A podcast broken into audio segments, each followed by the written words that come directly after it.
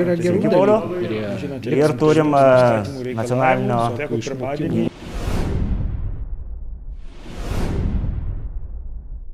Sveiki visi, toliau tęsiam neredaguotą pokalbius ir šiandien ilgai žadėtas antras epizodas, antras dublis. Kalbėsim apie narkotikus. Turėjom nuomonę, kuri buvo e, išsakyta iš principo pro, tokia, kuri yra liberali, kuri sako, kad reikėtų mažiau reguliuoti, mažiau bausti, daugiau edukuoti, taip sakykime, redukuotai.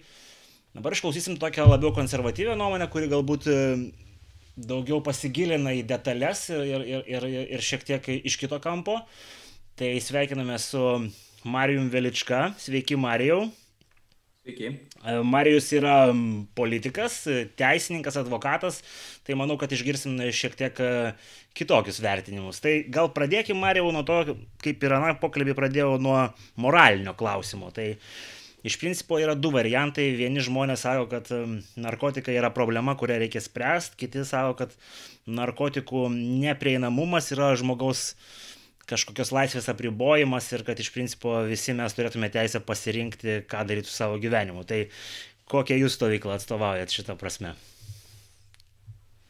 Na, aš turbūt esu tos, e, tos nuomonės atstovas, kad vis tik tai tam tikri dalykai, kurie pernelyg greitai žmonės įtraukia ir kelia pernelyg didelę žalą, iš tikrųjų dėl to ir yra reguliuojami valstybės, tam tikrais įstatymais, tam tikrais draudimais ir netgi tam tikromis bausmėmis, kad to nedaryti. Jeigu mes pagalvotume apie tai, kad šiuo metu jūs galėtume daryti tai, ką jūs norite, tai mes turėtume visišką anarchiją ir, ir ta prasme tikėtina, kad, tikėtina, kad labai sudėtinga būtų gyventi mūsų, mūsų pasaulyje. Todėl aš palaikau tai, kad valstybė turi reguliuoti narkotinių medžiagų platinimą, įsigijimą, vartojimą ir turi naudoti visas efektyvės priemonės, kad atgrasyti tai daryti.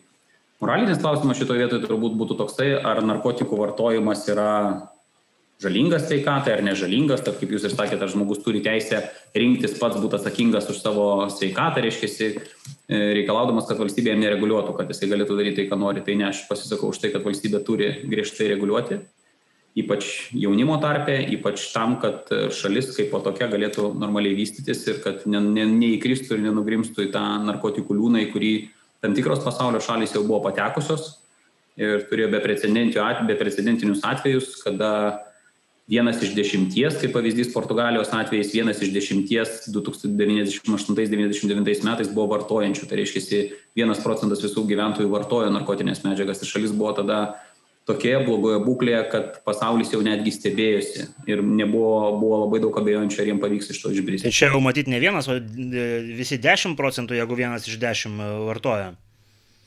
Vienas iš dešimt buvo susijęs, bet realiai stipriai vartojančių asmenų visoje Portugalijai tuo metu buvo skaičiuojama šimtas tūkstančių, kadangi jų narkotinė medžiaga, kuri Portugalijai tuo metu buvo populiariausia, tai buvo heroinas, tai yra ypatingai sunkus narkotikas, prie kurio yra labai lengvai prijunkama ir labai sunku nuo jo yra atprasti.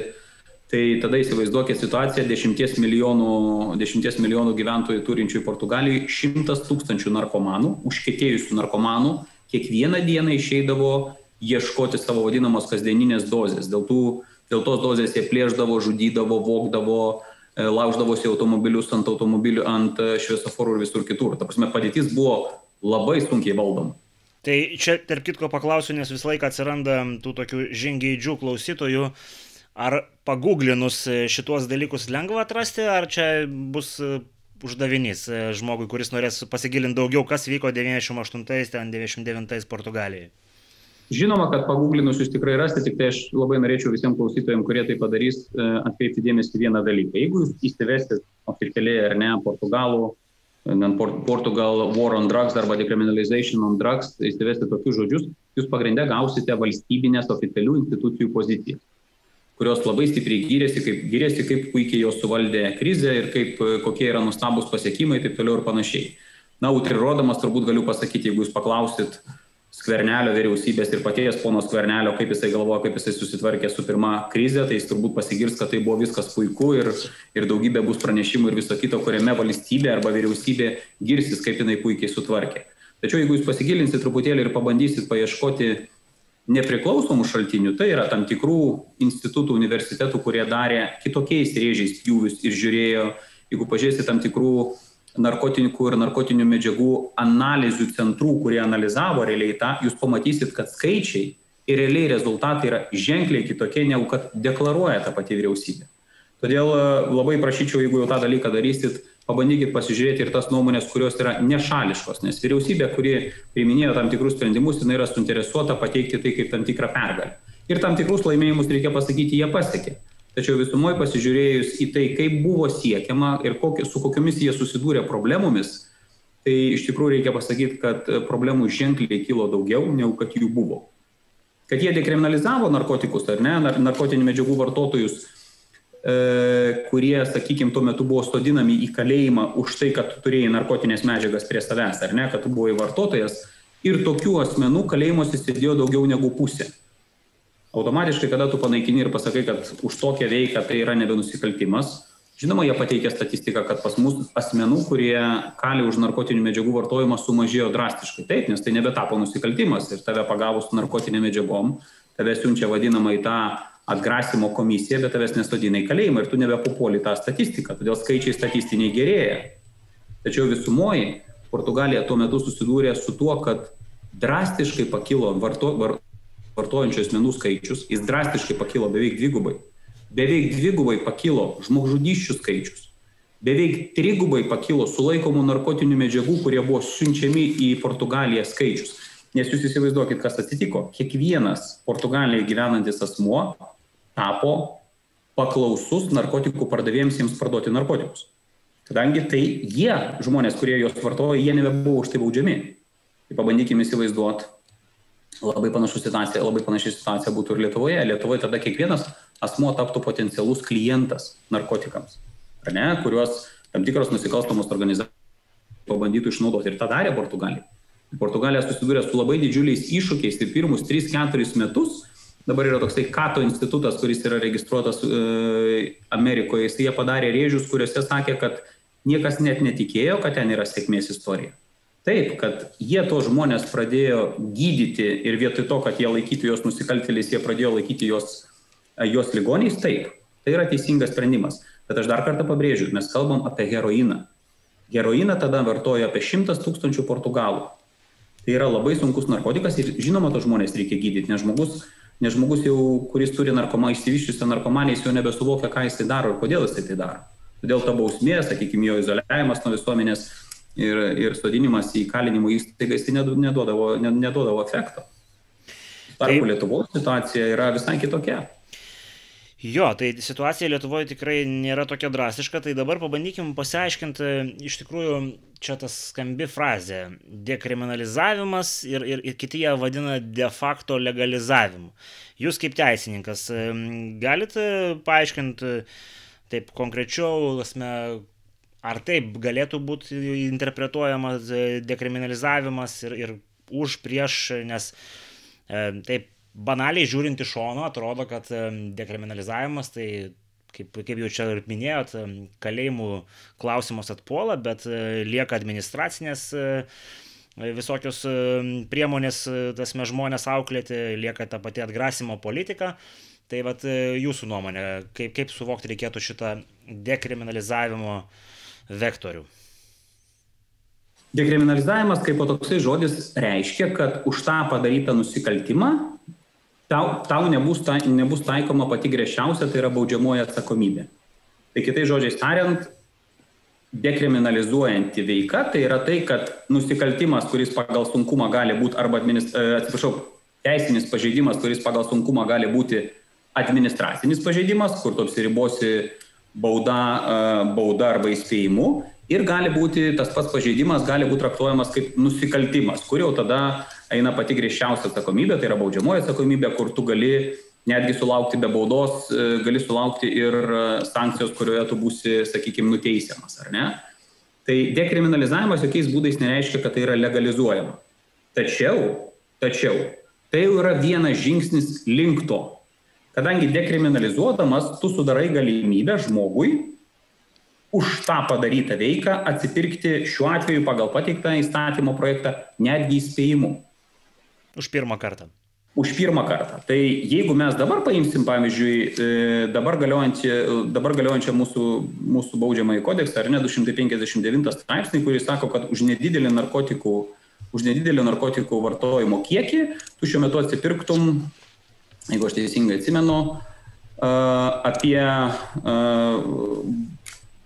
viešaisiais darbais, laisvės apribojimų, bauda arba areštų. Kitais žodžiais tariant, tu, tau būtų taikoma baudžiamoji atsakomybė, tačiau jinai nebūtų taikoma tokia prasme, kad tu būtum įkalinamas. Tai dar kartą, tave sugavus tu narkotikai šiandieną su nedideliu kiekiu, tu būtum teisiamas teismo, tačiau tu nesisodinamas į kalėjimą. Jeigu tu neturėjai tikslo platinti. Bet tu jau, bet, bet tu jau gauni, ta prasme, baudžiamąjį įrašą, kas yra nu, toks Na, Matyt. šiuo atveju tu gali taikytis ir atleidimą pagal laidavimą, kada tu esi atleidžiamas nuo baudžiamosios atsakomybės ir po, metų, ir po metų tas įrašas išnyksta. Tačiau taip, šiuo atveju tai yra baudžiamas nusikaltimas ir mūsų valstybė taip yra sureguliavus, kad už tokią veiką tu būtum, tu eitum, reiškia, per mūsų teisės saugos mašiną su baudžiamąją atsakomybę. Ir aš manau, kad tai yra labai ir labai gerai. Tai yra viena iš pačių labiausiai atgrasančių priemonių dėl narkotikų vartojimo. Jeigu jūs padarysime, mes padarysime tai, kad tai nebebus baudžiamoji atsakomybė, žmonių smalsumas, ypač jaunų žmonių smalsumas yra beribis. Jeigu tu dabar žinai, kad tu paėmęs narkotinę medžiagą, žinai, kad jeigu tave su juo laikys, tu turėsi problemų ir pakankamai didelių, ar ne, tai gali atsiliepti tavo karjerai, tai gali atsiliepti tavo gyvenimui, tai kada išnyks šita riba, kuri tave dar kartais prilaiko nuo šito vartojimo, tu norėsi pabandyti viską. Ir dabar žinodamas, kad už tą kartą tu gausi tik tai įspėjimą, tai jūs įsivaizduokit, į, mes, į kokią mes terpę einam, kur jaunimas, kuris yra ypatingai smalsus ir žingeidus, žinodami, kad jiems nieko už tai nebus, bet kuriuo atveju tai bandys. Bet tai gal, bet tai gal šito įstatymo projekto problema pagrindinė yra, kad e, administracinės priemonės yra labai švelnios. Gal reikėtų tiesiog gerokai ženklesnių baudų, kurios, nu, matyt, irgi gazdintų žmogų nemažiau negu galimybė patekti į, į įkalinimo įstaigą. Jokios būdais ne. Ir dabartinis, ir dabartinis tavo kartas, jeigu tu, tai aš kaip jau minėjau, už nedidelį kiekį, bet tikslo platinti tu šiuo metu netgi nepateksi į įkalinimo įstaigą. Netgi labai norėdamas už pirmą kartą, tu nepateksi į įkalinimo įstaigą, nes tokios netgi sankcijos nėra. Yra numatyta sankcija areštas. Tai yra tam tikros paros, bet tai yra taikoma ypatingai retai arba beveik niekada netaikoma už pirmą kartą. Tai bauda šiuo atveju jinai neatgraso žmogaus, žmogų atgraso pati baudžiamoji procedūra. Jeigu kalbėti apie tai, ar administracinė atsakomybė atgrasy žmogų, jokiais būdais ne. Pagrindinis dalykas šito vietoje mes turim suprasti tai, kad nusikalstamų struktūros, kaip pavyzdys ta pati Portugalija, ją pažiūrėjo tada kaip į begalinį ir didžiulę terpę potencialių klientų. Kiekvienas žmogus, kuris gali vartoti narkotikus, ir jam už tai nieko nebus, yra potencialus klientas juos pabandyti. Ir tuo metu, ir lygiai tas pats būtų ir Lietuvoje, kad mus užvestų didžiuliai kiekiai narkotinių medžiagų naktiniam gyvenime, klubuose, socialiniuose tinkluose ir visur kur kitur, kur jaunimas arba, sakykime, žmonės, kurie yra žingeidus tam, turėtų galimybę pabandyti ir jiems nieko už tai nebūtų. Ir aš esu šimtų procentų įsitikinęs ir remdamasis Portugalijos pavyzdžių galiu pasakyti, kad ten taip ir vyko. Didžiuliai tarptautiniai narkotikų sindikatai veržėsi į Portugaliją kaip į tą vietą, kurie buvo galima platinti narkotinės medžiagas. Ir valstybė susidūrė su ta problema, kad jinai nebuvo pasiruošusi su to kovoti, nes jinai nesitikėjo, kad bus būtent taip. Ir ką aš jums prieš tai ir minėjau, sulaikomi kiekiai narkotinių medžiagų Portugalijoje tais metais trigubėjo, keturgubėjo narkotikus vartojančių asmenų skaičiai dvigubėjo. Tai bet kuriuo atveju sudarydamas galimybę paklausai, tu didini pasiūlą. Taip, rinkos ekonomika. tai čia dar norisi, vat, šiek tiek prieš perinant ten į kitas tas detalės, vis tiek yra kažkokie skaičiai Lietuvos apie būtent tą baudžiamosios procedūros pritaikymo atvejus. Tai tarkim, palyginimui per pastarosius keletą metų, kiek tų žmonių Lietuvoje buvo sugauta su tom narkotinėm medžiagom, aš kalbu apie tos, kurie neplatino, bet tos ma mažos, maži kiekiai savo reikmėm, kiek iš jų buvo, tasme, nuteista, kiek iš jų atsidūrė kalėjimuose, ar tokią statistiką mes turim? Tokią statistiką aš bandžiau pasižiūrėti, tačiau matot, jeigu jūs žiūrite statistiką per įkalinimo prizmę, tai žmonės, kurie papuola pagal 259 straipsnį dėl antrą, antrą dalį dėl nedidelio kiekio, jie nėra įkalinami. Mes pagrindinis mūsų, pagrindinis mūsų priešas, sakykime, šiuo metu Lietuvoje, tai yra tikslas platinti. Tikslas platinti arba su tikslu platinti turimos narkotinės medžiagos, kurios užtraukia baudžiamąją atsakomybę su privalomu jau, sakykime, tada ėjimu į kalinimo įstaigą. Problema, su kuria susiduria Lietuva, ir aš kaip teisininkas šitą dalyką matau, tai yra tai, kad mūsų teismai labai šabloniškai pagal suformuoluotą aukščiausio teismo praktiką nevertina kiekvieno atveju individualiai, o tiesiog leidžia pagal tą vieną kurpalių, kuris yra šiuo metu apspręstas būtent mūsų baudžiamojo teisėje. Aš jums pateiksiu keletą pavyzdžių, kuriuos turėjau savo gyvenime, kada mes turėjom labai sudėtingas bylas ir man dėja vis, vis tik tai vienoje byloje pavyko laimėti, kitoje byloje vis tik tai tas asmo buvo įkalintas, tačiau situacijos buvo neadekvačios tai bausmiai, kuri buvo paskirta. Buvo vakarėlis, kurio metu dvyliktokai šventė savo išleistuvės ir vienas iš dvyliktokas atsinešė kanapę suktinę į tą vakarėlį. Jisai tą kanapę suktinę sudėjo į vadinamą kaljaną ir pasi, pats surūkė. Kažkas be jo atsiklausimo paėmė tą patį kaljaną ir dar kartą patraukė ir lygiai taip pat gavo tos pačios vadinamos narkotinės medžiagos. Buvo iškviesta policija, atvažiavus policija nustatė, kad narkotinės medžiagos likučiai yra, sakykime, tame rūkomajame renginyje. Niekas neslėpė ir netgi tas pats vyrukas prisipažino, kad sako, taip, tai yra mano suktinė, aš atsinešiau pats savo. Tačiau šitoje vietoje jisai susidūrė su ta problema, kad platinimas pas mus apsisprendžia ne tik tai, kad tu už pinigus kažkam padavėjai. Platinimas pas mus žodis, kuris šiuo metu suformuoluotas mūsų baudžiamoji teisė, yra toksai, kad iš tavęs, tai yra iš tavęs kaip šaltinio kažkas kitas gavo tą narkotinę medžiagą. Ir tą vyruką iš tikrųjų realiai jau tada teisė ne, ne pagal 259 straipsnį, o pagal 260 straipsnį, kad jisai tas atsinešė narkotinės medžiagas su tikslu platinti ir jį realiai sodino į kalėjimą. Vienintelis būdas, kaip mums pavyko laimėti tą bylą, kad tai dienai, kada, buvo, kada įvyko šitas nusikaltimas, e, jisai buvo nepilnametis. Tai kadangi nepilnamečiai padarė tokias nusikalstamas veikas, turi šiek tiek lengvesnės sąlygas, tai mums pavyko tą vyruką, tą jaunuolį, reiškia, ištraukti iš kalėjimo, kad jisai jį nesėstų. Tačiau šitoj vietoj e, baisiausias dalykas yra tai, kad teismai šitoj vietoj visiškai nežiūri į tą kiekvieną atvejį individualiai. Ir kada mes kalbėjom su teisėja, kada, reiškia, įvyko posėdis, kada aš aiškinau, kad, na, nu, pa žmogų nebuvo tikslo platinti, nes mes platinimą turbūt visi suvokiam realiai, tai platinimas už pinigus. Aš nupirkau, perpardaviau, uždirbau pinigų, įtraukiau žmogų į narkotikų liūną, sakykime, tą narkotikų ratą. Taip, tai tokie žmonės vienareikšmiškai turi sėdėti kalėjimuose ir aš netgi sakyčiau, kad mūsų e, baudžiamieji įstatymai šioje vietoje netgi gal yra net šiek tiek per švelnus. Tačiau vyrukas, kuris tiesiog neturėdamas jokios valios savo subjektinės pusės, neturėdamas tikslo paskleisti tas narkotinės medžiagas, jis turėjo vis tiek atsakyti pagal tą įstatymą, kuris reglamentuoja, tai e, šitoje vietoje mes turime problemą, kad teismai neindividualizuoja kiekvieno atveju atskirai, o tiesiog leidžia pagal bendrą kurpalių. Tada šitoje vietoje tikrai manyčiau, kad mes Seime esantis politikai turėtų per tą prizmę pažvelgti, kad kiekviena atsakomybė būtų asmeninė. Ar tikslas buvo tikrai išplatinti narkotinės medžiagas, ar tikslas buvo įtraukti žmonės ją rūkyti. Nu, čia gal mat... mano aptartų atveju, tuo aptartuoju atveju netgi buvo tai, kad e, asmuo visiškai nepareiškė jokios valios pastangų siekė. Be jo žinios ir be jo atsiklausimo buvo paimtas tas daiktas, ar ne tas rūkomasis įrenginys, tačiau pagal suformuotą praktiką teismas vis tik tai nustatė, kad neskirsto, buvo valios pastangos ar ne, jį, jį, padarė kaip šaltinį ir už tai, kad jisai buvo kaip šaltinis, jisai buvo teisiamas realiai ir tik tai, sakau, baudžiamosios atsakomybės išvengė dėl savo jauno amžiaus. Va čia yra problema, kad mūsų supratimas teismų yra labai ribotas. Jo, tai matyt, galbūt čia ta problema kyla ir iš mūsų teisės sistemos, kuri yra kontinentinė, o ne precedentinė, kur būtų labiau lankstumas ir atsižvelgiama į niuansus ir panašiai.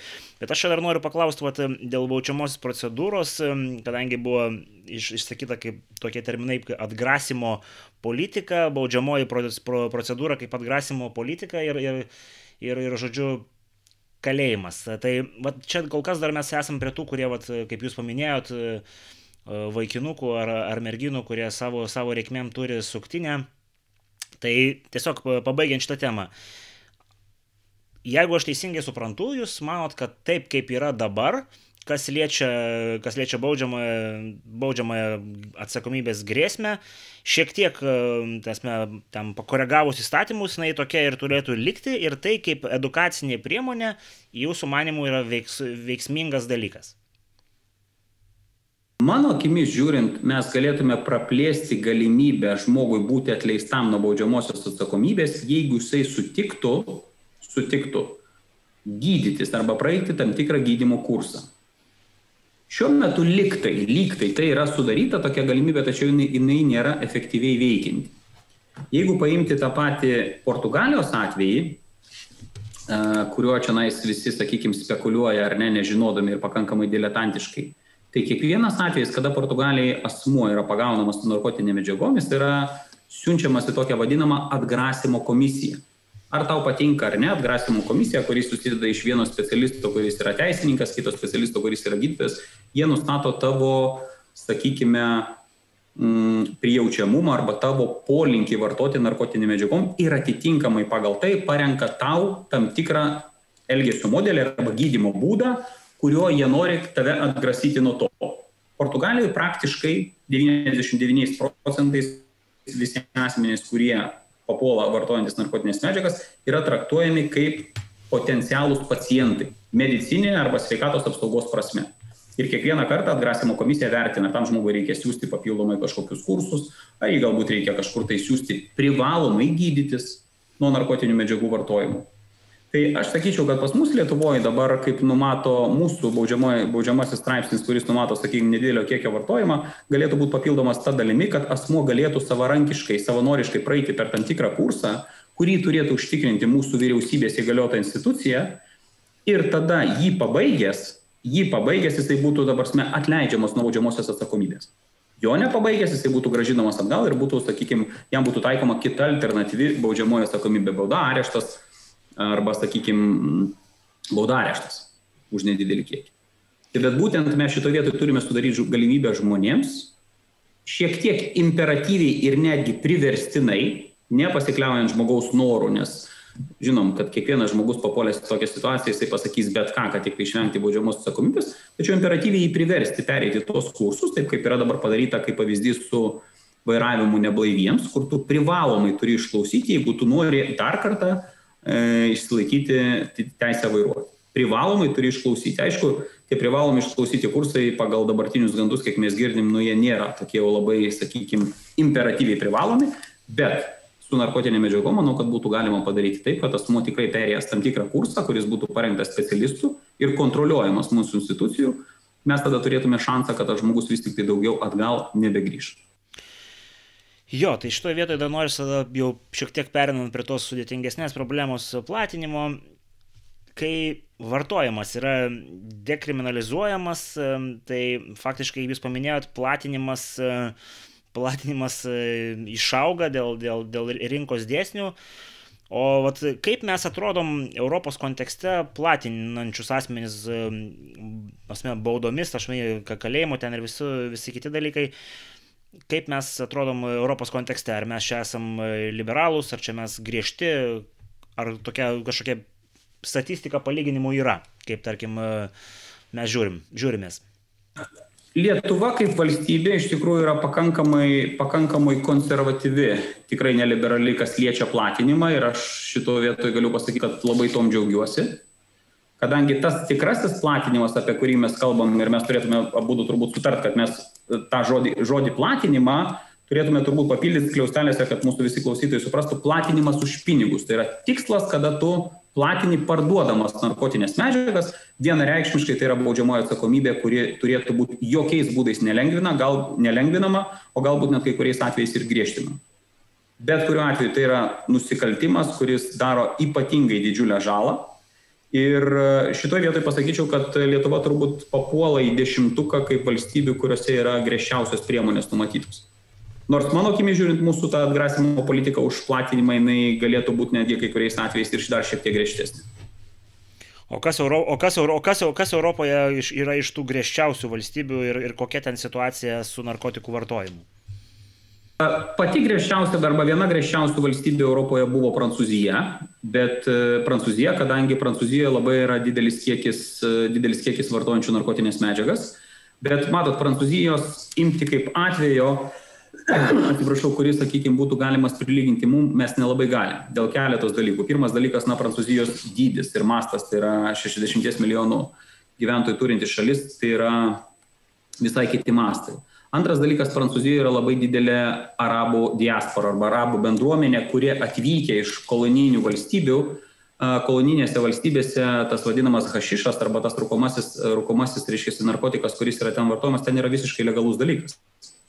Dėl to jie turi tą problemą, kadangi žmonės, kurie turi teisę pagal Prancūzijos įstatymus tapti Prancūzijos piliečiai, atvyksta į ją po, po, pagal tos pokolonijinius įstatymus, tačiau jie atvyksta su savo įpročiais su savo auklėjimu, su savo patirtimi, kurie turėjo savo šalyje. Tenais rūkyti hašišą yra visiškai normalu. Prancūzija susidūrė su tuo, kadangi jų visuomenė tai ypatingai paplito, bet e, reikia pasakyti, kad e, Prancūzijos, e, Prancūzija šiuo metu bando spręsti tą problemą ir jinai, sakykime, jinai yra kažkiek efektyvi, bet mintis yra tai, kad tai yra paprotiniai dalykai. Mes Lietuva esam labai, sakykime, sakykim, tokia grina tauta. Pas mus nėra tų atvežtinių, atvežtinių tradicijų, atvežtinių e, etninių grupių, kurios atvažiuotų su savo tradicijom, kurios galėtų kelti pavojų mūsų, sakykime, gyvenimo būdui, kurį mes suprantame. Mes esame realiai išvestinė tauta, kuri taikosi prie pasaulinių rinkų, prie pasaulinių dėsnių. Marihuana šiuo metu pasaulyje tapo populiariai, taip jinai pasiekė ir Lietuvą. Tačiau būtent jinai ir pasiekė tą Lietuvą iš pokolonijinių valstybių, taip pat kaip ir buvo Portugalijoje.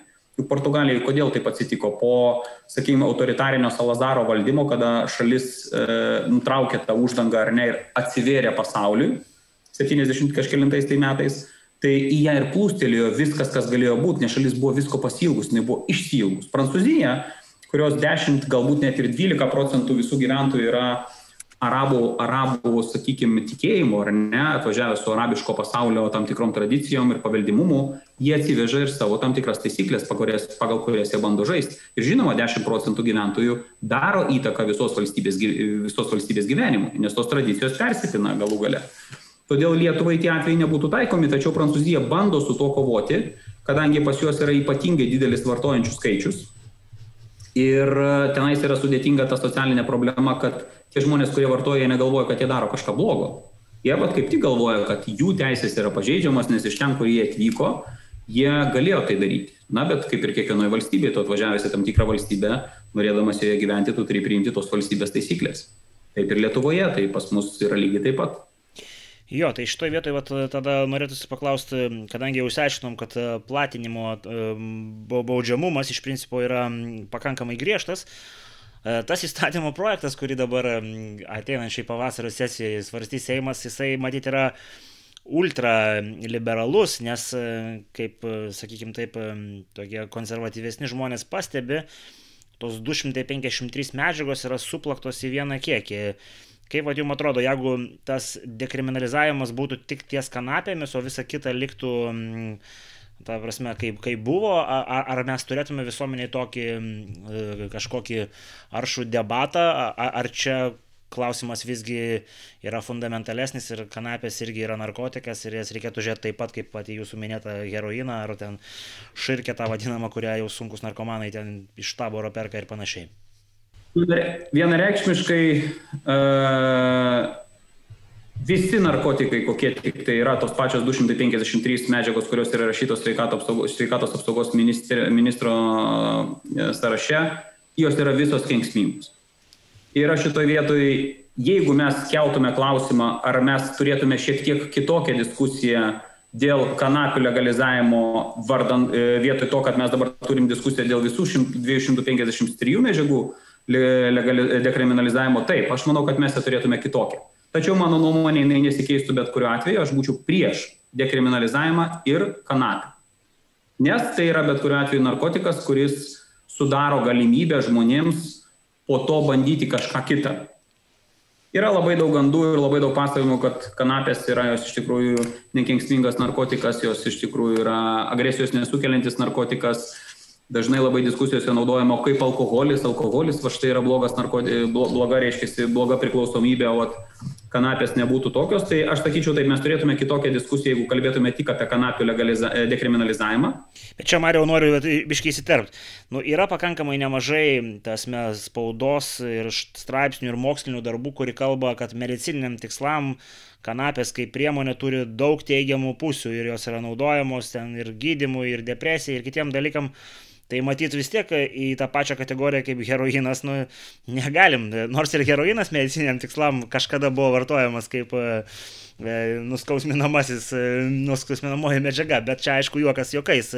Bet apie kanapės grįžtant, tai yra tų mokslinių tyrimų. Aš galbūt netinkamai išreiškiu. Aš esu už tai, kad kanapės būtų vartojamos mediciniais tikslais. Jeigu mokslininkų, akademikų, mūsų uh, tarptautiniai tyrimai ir tarptautiniai gydytojų, gydytojų, gydytojų reiškia, organizacijos patvirtina, kad šitą narkotinę medžiagą galima vartoti ir jinai teikia, teikia teigiamą, po, teigiamą poveikį gydomiesiems, aš esu bet kuriu atveju už tai. Ir aš esu už tai, kad Lietuvoje kanapės kaip gydomoji medžiaga, gydomoji narkotinė medžiaga būtų vartojama mūsų medicinai šimtų procentų už tai, nekeliu, ne, ne, nekeliu ir niekada nekėliau to klausimo. Vėlgi sakau, tai yra remiamasi mokslininkų, gydytojų, gydytojų ir visų kitų organizacijų, e, organizacijų nuomonė. Ir aš šitoje vietoje tikrai su to nesiginčiu. Aš esu už tai. Aš esu prieš tai, kad kanapės būtų naudojamos rekreaciniams arba poilsio tikslams. Kad jie būtų galima svaigintis tam, kad apsvaigti. Aš esu prieš tai. Ir jeigu, e, kaip jūs ir minėjote, reiškia, tas pirminis pasiūlymas, kuris kažkada tai buvo išsakytas politinėse arenose, kad, reiškia, mes dekriminalizuosime kanapes, taip mes galėtume turėti šiek tiek kitokią diskusiją tuo klausimu, bet aš vėlgi sakau, mano nuomonė būtų prieš. Tik tai medicininiais tikslais taip už, visais kitais tikslais yra prieš. Dabar mes turime situaciją, kada iš didelio rašto mes išėjom iš krašto. Mes paleidom, bandom paleisti didžiulį džiną iš, iš reiškia, iš butelio, kada leisime žmonėms pabandyti visko, kas tik tai yra rinkoje. Visko. Ir mes nežinom, kas žmonėms patiks. Nes nei viena valstybė to dar nebuvo padariusi.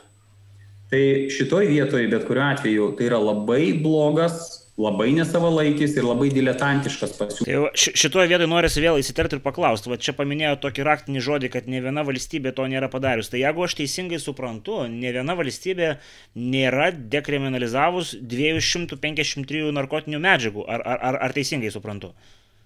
Tai mes čia būtume kaip pionieriai. Pagal tą sąrašą, kuris, kuris dabar yra pateiktas, taip. E, matot, iš tikrųjų suvokimas žmonių arba viešoje erdvėje teikiami, teikiami pasiū, pavyzdžiai ne visada yra tinkamai suprantami e, visuomenėje. Ta pati Portugalija, jinai nelegalizavo narkotinių medžiagų, jinai dekriminalizavo. Tai reiškia, nustatė, kad e, už vartojimą narkotinių medžiagų tu būsi baudžiamas, bet nebaudžiama atsakomybė. Arba kitais žodžiais tariant, Portugalijoje vartoti narkotinės medžiagas yra draudžiama, jeigu būsi pagautas vartojantis jas, tau bus pritaikyta tam tikra atsakomybė, bet nebaudžiamoji. Paimkim tos pačius Niderlandus arba Olandiją, kur visi įsivaizduoja, kad ten yra legalizuota. Nieko panašaus. Olandijoje nėra legalizuoti narkotikų, nėra legalizuotas narkotikų vartojimas. Tenais yra priimta vadinama tolerancijos politika. Tai yra, mes toleruojame žmonės, kurie vartoja narkotinės medžiagas, mes jų nebaudžiame. Tai nėra legalizavimas. Aš nežinau nei vienos šalies, nu dabar taip jau, kai kurios šalis Amerikoje, Kanadoje jau dabar praeidinėja tas stadijas, jau kai kurios netgi yra praėjusios, reiškia, legalizuoti tam tikrų narkotinių medžiagų, ypač kanapių vartojimą ar ne rekreaciniais tikslais. Tačiau legalizuoti, dekriminalizuoti 253 narkotinės medžiagas, kurios šiuo metu yra mūsų sąraše, ne viena valstybė to nėra padarius.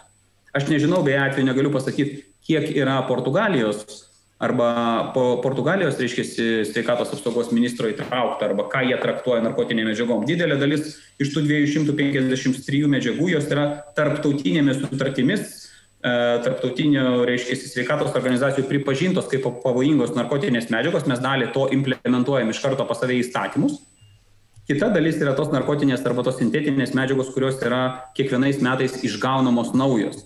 Nes žmogaus, kaip ir sakiau, fantazija ir žinios jos yra jos yra, reiškia, beribės. Žmonės kiekvienais metais atranda vis naujesnės narkotinės medžiagas, jie sugeba, jie sugeba sudėti naujus cheminius junginius ir kai kada netgi atsitinka taip, kad sukūrus naują cheminį junginį, kuris tave gali apsvaiginti, tuo metinė jo formuluotė arba tuo metinė jo cheminė, cheminė formulė nebūna įtraukta į narkotinių medžiagų sąrašą ir tuo metu tarsi gaunasi, kad žmogus ją vartoja legaliai.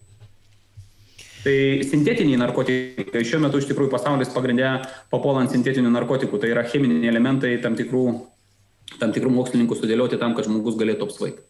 Tai, tai keičiasi ir keičiasi pakankamai dažnai. Mes matyt pretenduojam kurti precedentą ir būti labai pažangus. Čia aišku, tasme, ma maži jokai.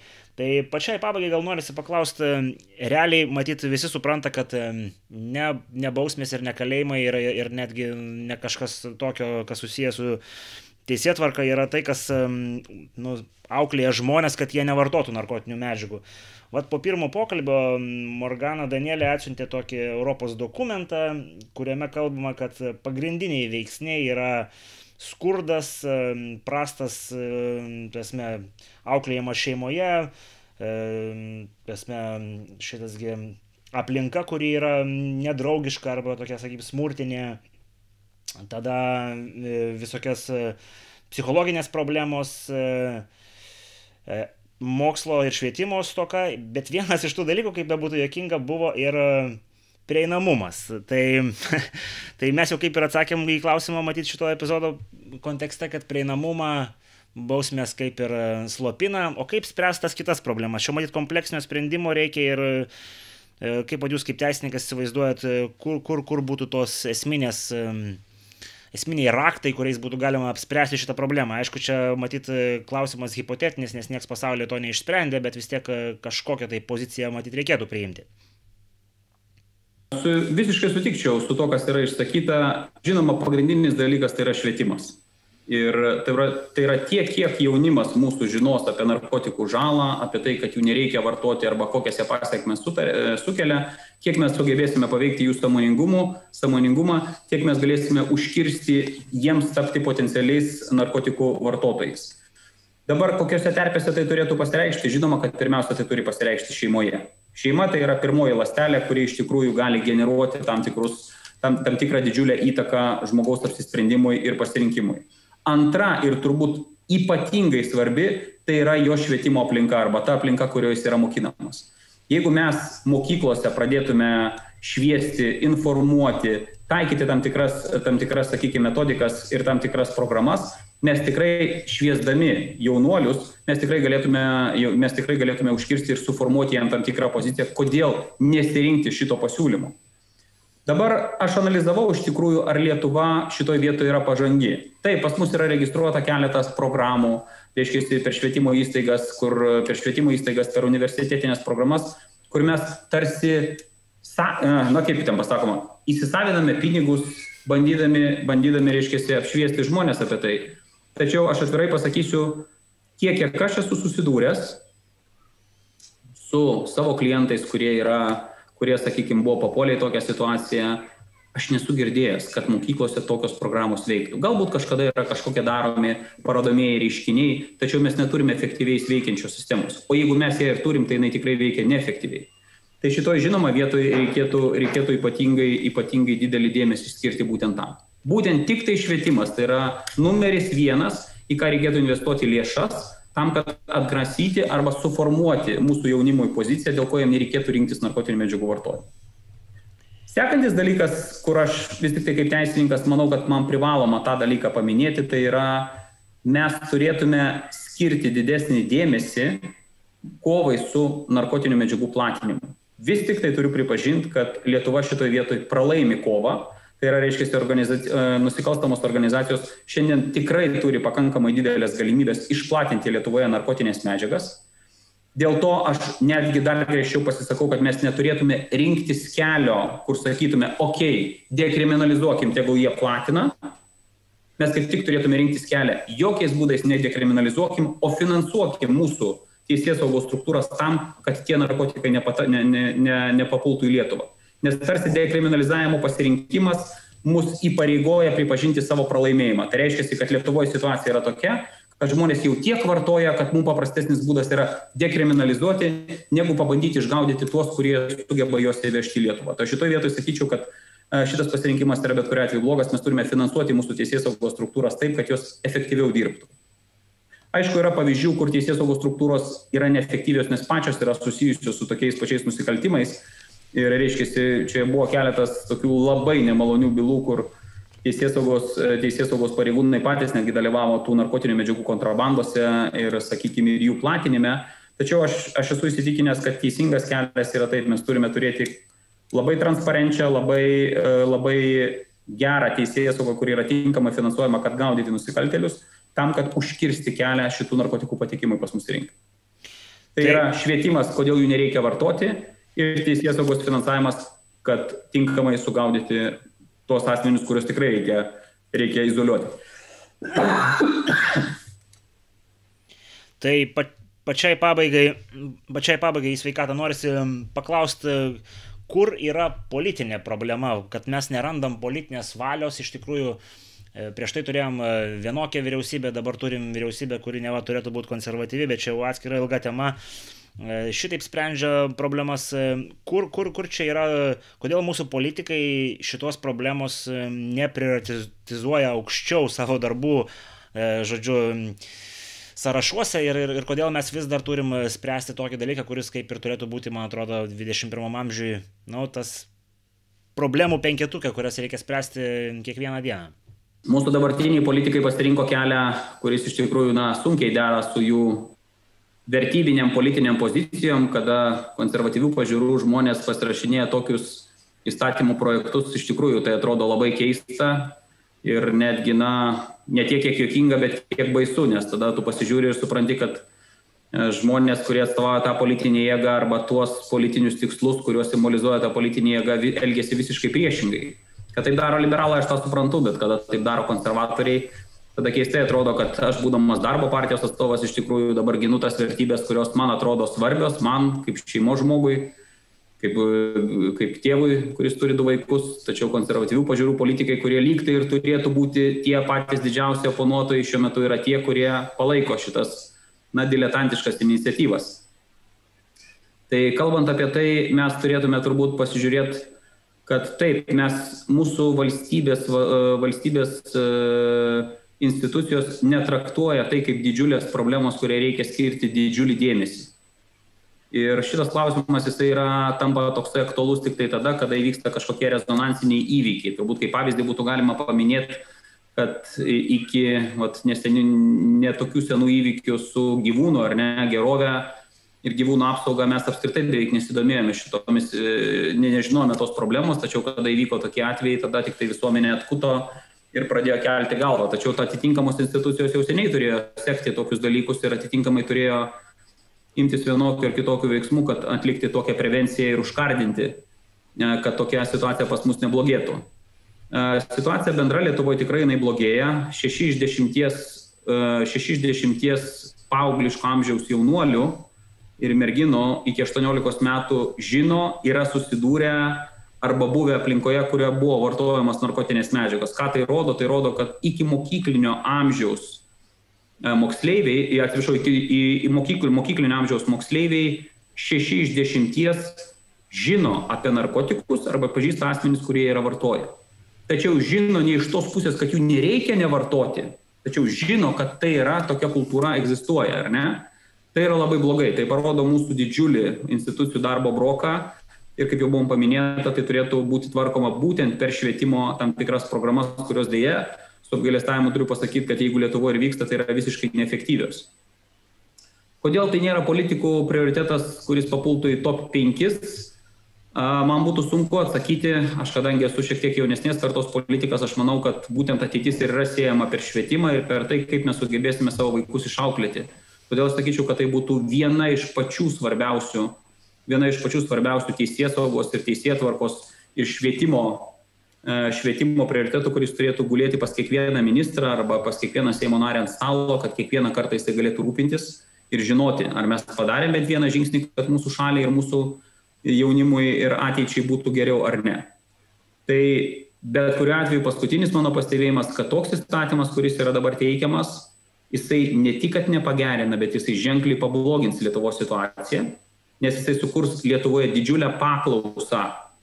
Atsiras daugybė žmonių, kurie galės būti traktuojami kaip potencialūs klientai vartoti narkotinės medžiagas ir mes turėsime didžiulę problemą, nes Lietuvoje susidurs su didžiulė pasiūla. Todėl šitas sprendimas jis yra labai blogas ir tie politikai, kurie pasirašė po juo, aš nežinau, ar jie negalvojo, ar jie nesigilino, tačiau aš labai tikiu, kad bendromis pastangomis, kurias mes dedame, ir darbo partija kaip tokia politinė organizacija, ir su atskirais politikais šnekamės, aš labai tikiuosi, kad mums pavyks atšaukti šitą, na, sakykime, makabrišką pakankamai sprendimą ir mes liksime prie tos situacijos, kurioje esame, o galbūt investuosime ir skirsime daugiau lėšų, kad šviesti žmonės, kodėl to nereikia daryti ir finansuoti tam tikras teisės saugos struktūros, kad tokie narkotikai į Lietuvą nepatektų. Tai būtų mano tokia pozicija ir manau, kad kiekvienas Seimo narys, vyriausybės narys turėtų tą dalyką žinoti ir tai turėtų būti vienas iš jo pagrindinių prioritetų. Nes jeigu einant tokiu keliu tolyn, mes po 5-10 metų galime turėti pakankamai pakankamai sudėtinga situacija, kurią valdyti reikės ne tik didesnių resursų, bet ir didesnių ir gilesnių žinių, kurių mes dėja neturime. Tai norisi padėkoti visiems, kurie ištvėrė iki galo šitą epizodą ir tikiuosi buvo išsakyta minčių, kurios temą nušvietė kiek kitam, e, kitoj, kiek kitoj šviesoje negu pokalbis šitą pačią temą su kitam mūsų pašnekovė prieš savaitę. Tai tiesiog noriu priminti, kad e, startavo mūsų narystės puslapis, nepamirškit e, apžiūrėti jo, nepamirškit prisijungti. E, tiesioginė parama mums e, yra labai svarbi, nes mes taip sutaupom 20 procentų, kurios suvalgo Patreono kaštai, tai lauksim naujų narių, nepamirškit, kad mes turim YouTube, Facebook ir kitus socialinius tinklus ir iki kitų kartų.